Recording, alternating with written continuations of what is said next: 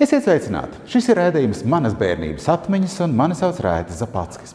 Kad es šī rādījuma viesim jautāju, kā man viņu pieteikt, viņš iedeva man vizītkarti, kur nebija nekas daudz rakstīts. Un viņš teica, tā arī man piesaki - Ojārs Rubenis.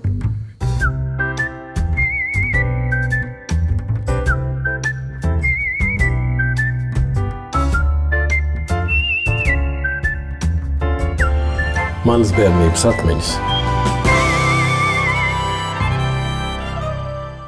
Ojār, paldies, ka tu eh, biji ar mieru piedalīties raidījumā manas bērnības atmiņas.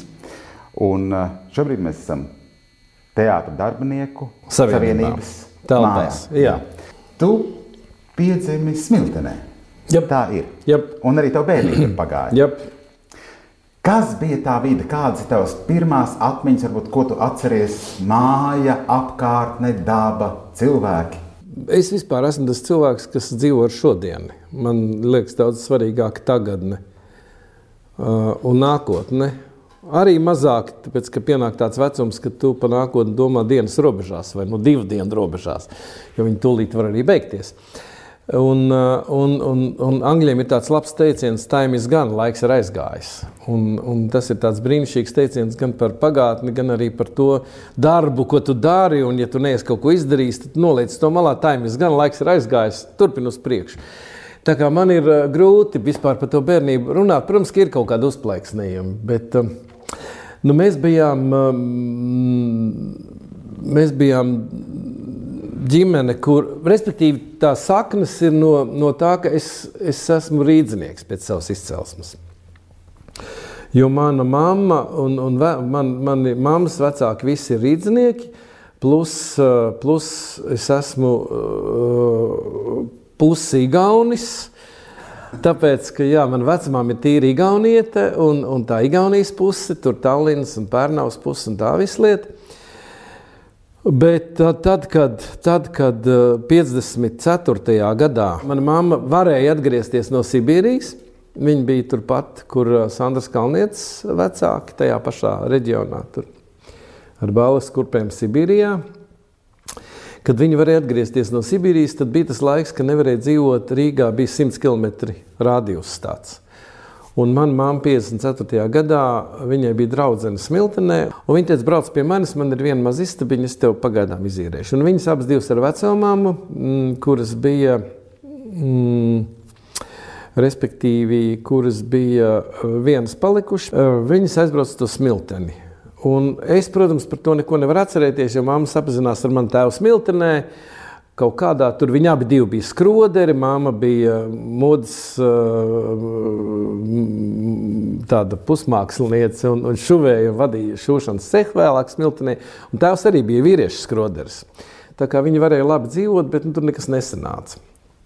Un kaut kādā veidā, jo, jo man tēvs bija droši vien tā kā gaisu un, un, un dzīves baudītājs liels, un tā kā man, manī tas ir. Un, Un tēvs aizgāja, ka man bija divi gadi, un vienā rītā viņš kārtīgi reiz kaut kur devās. Devās savos klejojumos, un mamma teica, ka tu būsi mājā. Viņš teica, ka kaut kad maijā, un mamma teica, nu, ja tu būsi kaut kad maijā, tu vari nenākt. Un tā viņš arī aizgāja, un nekad neatnāca vairāk. Es viņu vienreiz satiku, pēc tam jau divas reizes.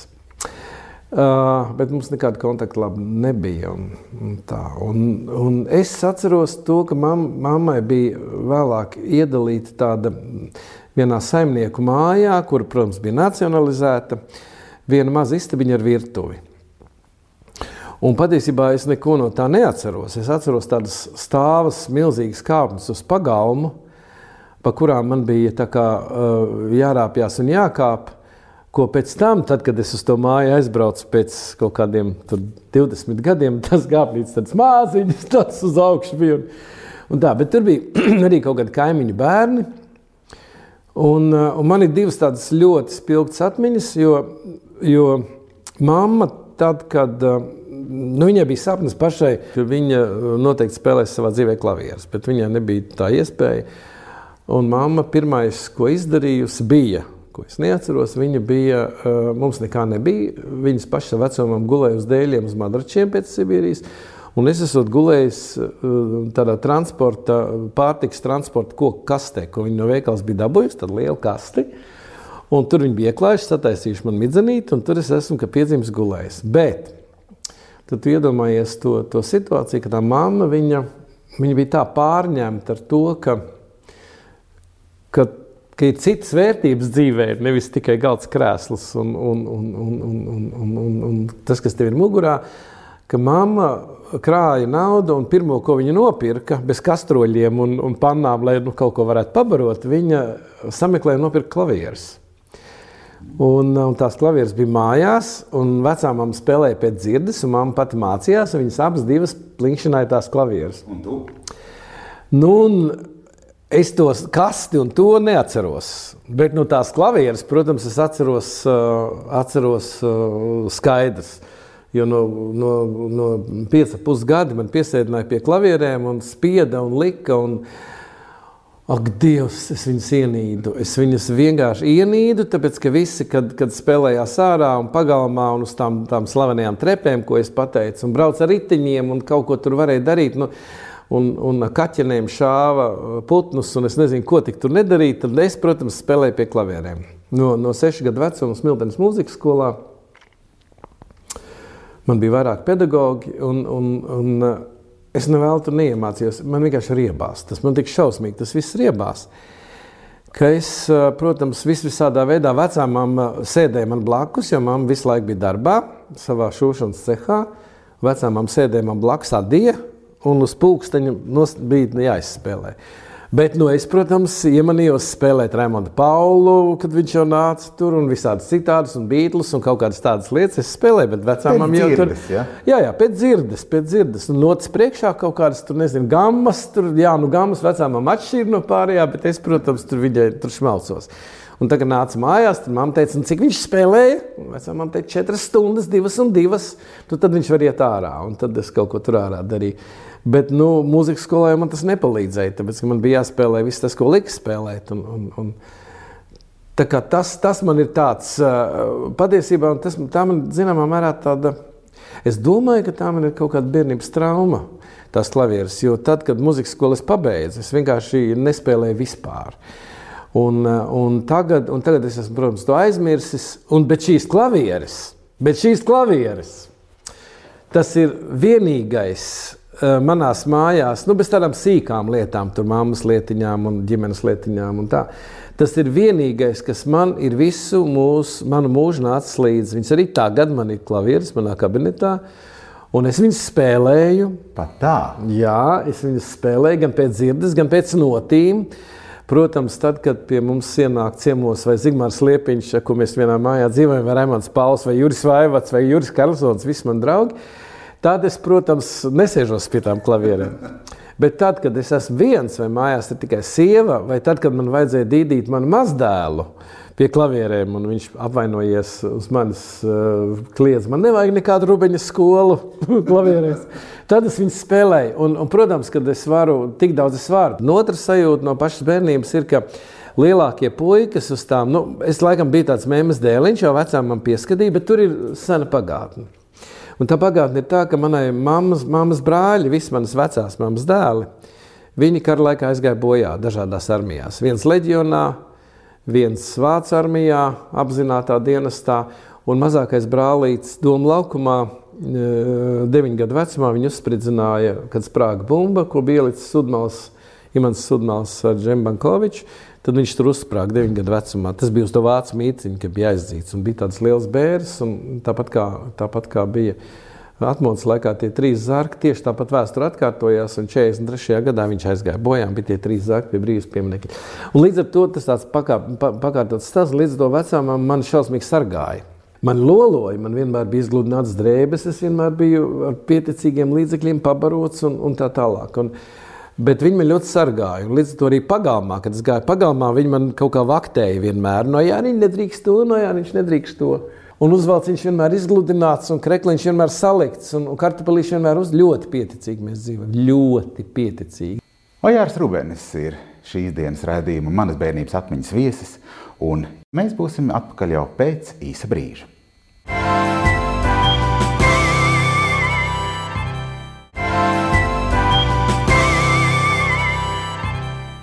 Šis ir raidījums manas bērnības atmiņas, un šodien es tiekos ar Ojāru Rubēni. Tu man uzvedināji uz tādām lietām, es, es patiesībā par viņām uh, bieži nedomāju. Bet tie puikas man no tām trepēm, no augšgala, es vienreiz kāpu tām trepēm augšā, tāds maziņš, un viņi man uzmeta kaķi.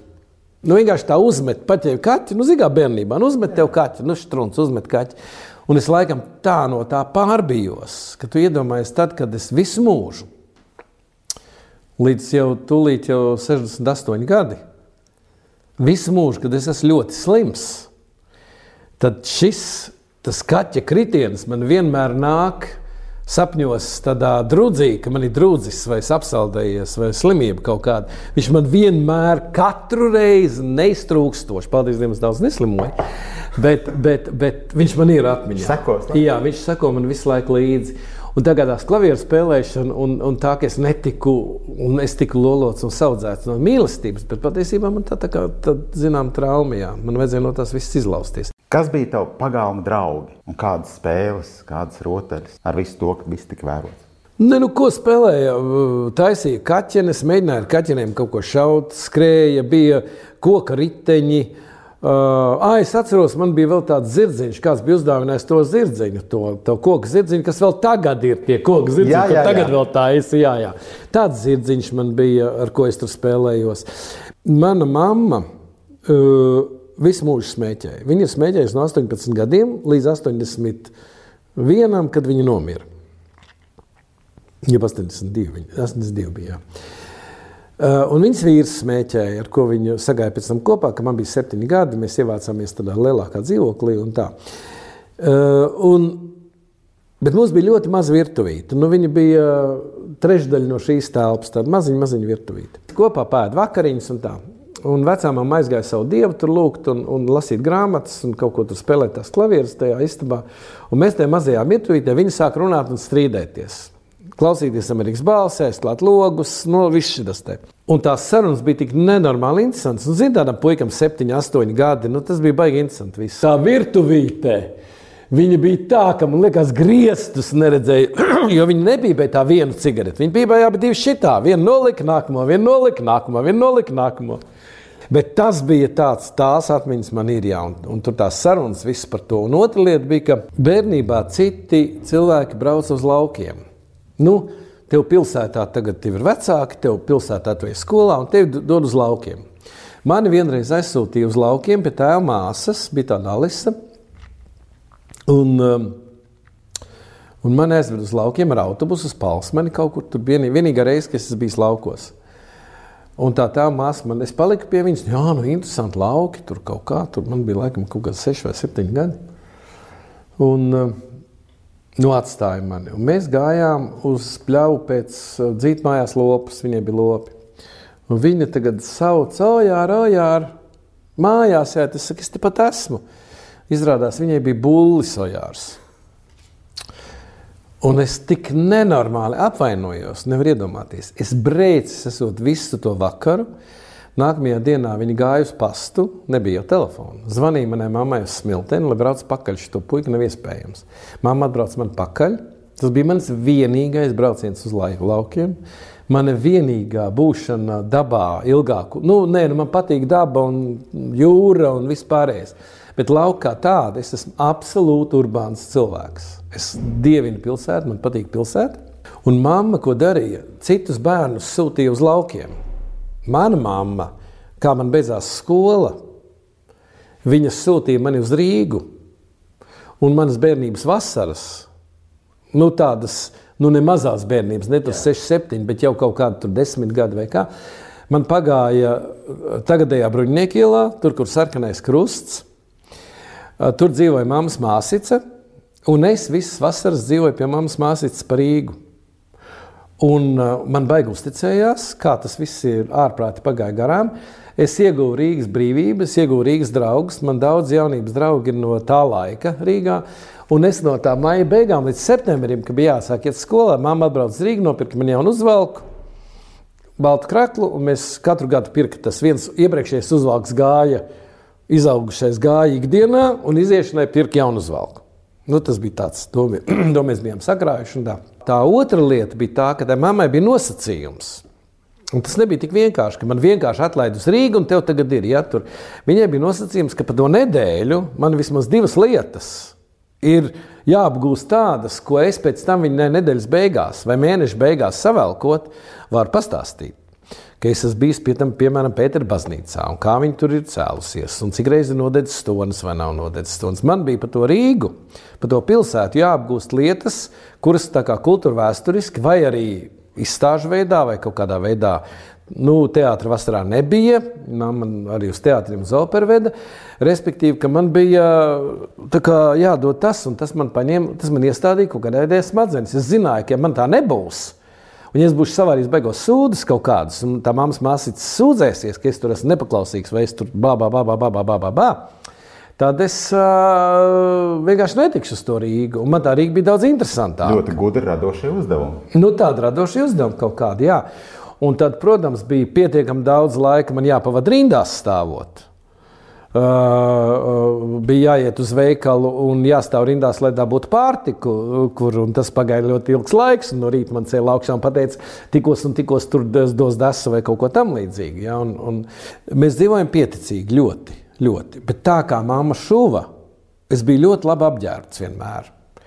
Un man bija tādas drēbes, ja man, piemēram, visiem nopirka uz žetonu vakaru, nopirka, piemēram, uzvalku un uz izlaidumu. Uh, nopirka visiem vienādas tumšas uzvalks veikalā, tad mana mamma man teica, nē, nē, nē, nē, nē, nē, nē, nē, nē, nē. tu ej, lūdzu, uh, un viņi man uzšuva rūtainu uzvalku.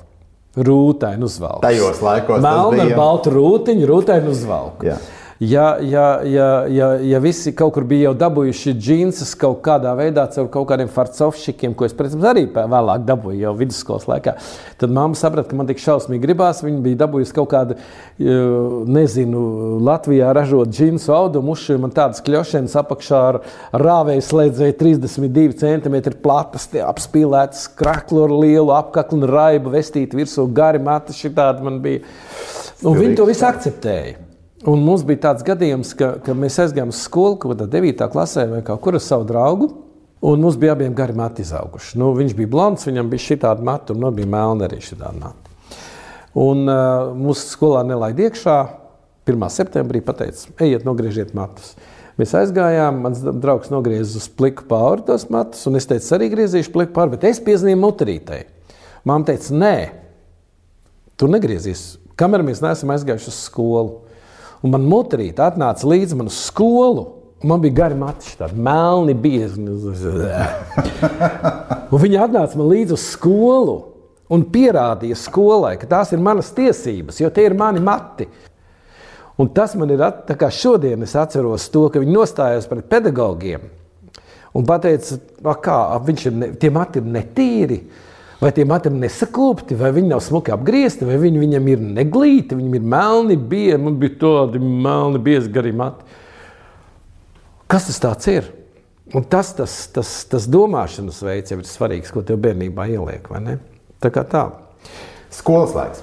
Nu. Skola bija smiltenē. Mm -hmm. Kādas bija sekmes?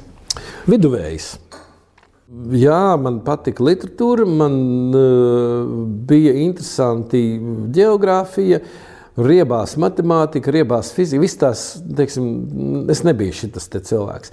Bet patiesībā es skolu pavadīju vairāk, man jāsaka, tā kā sabiedriskais aktīvists. Man patika organizēt daudzas lietas.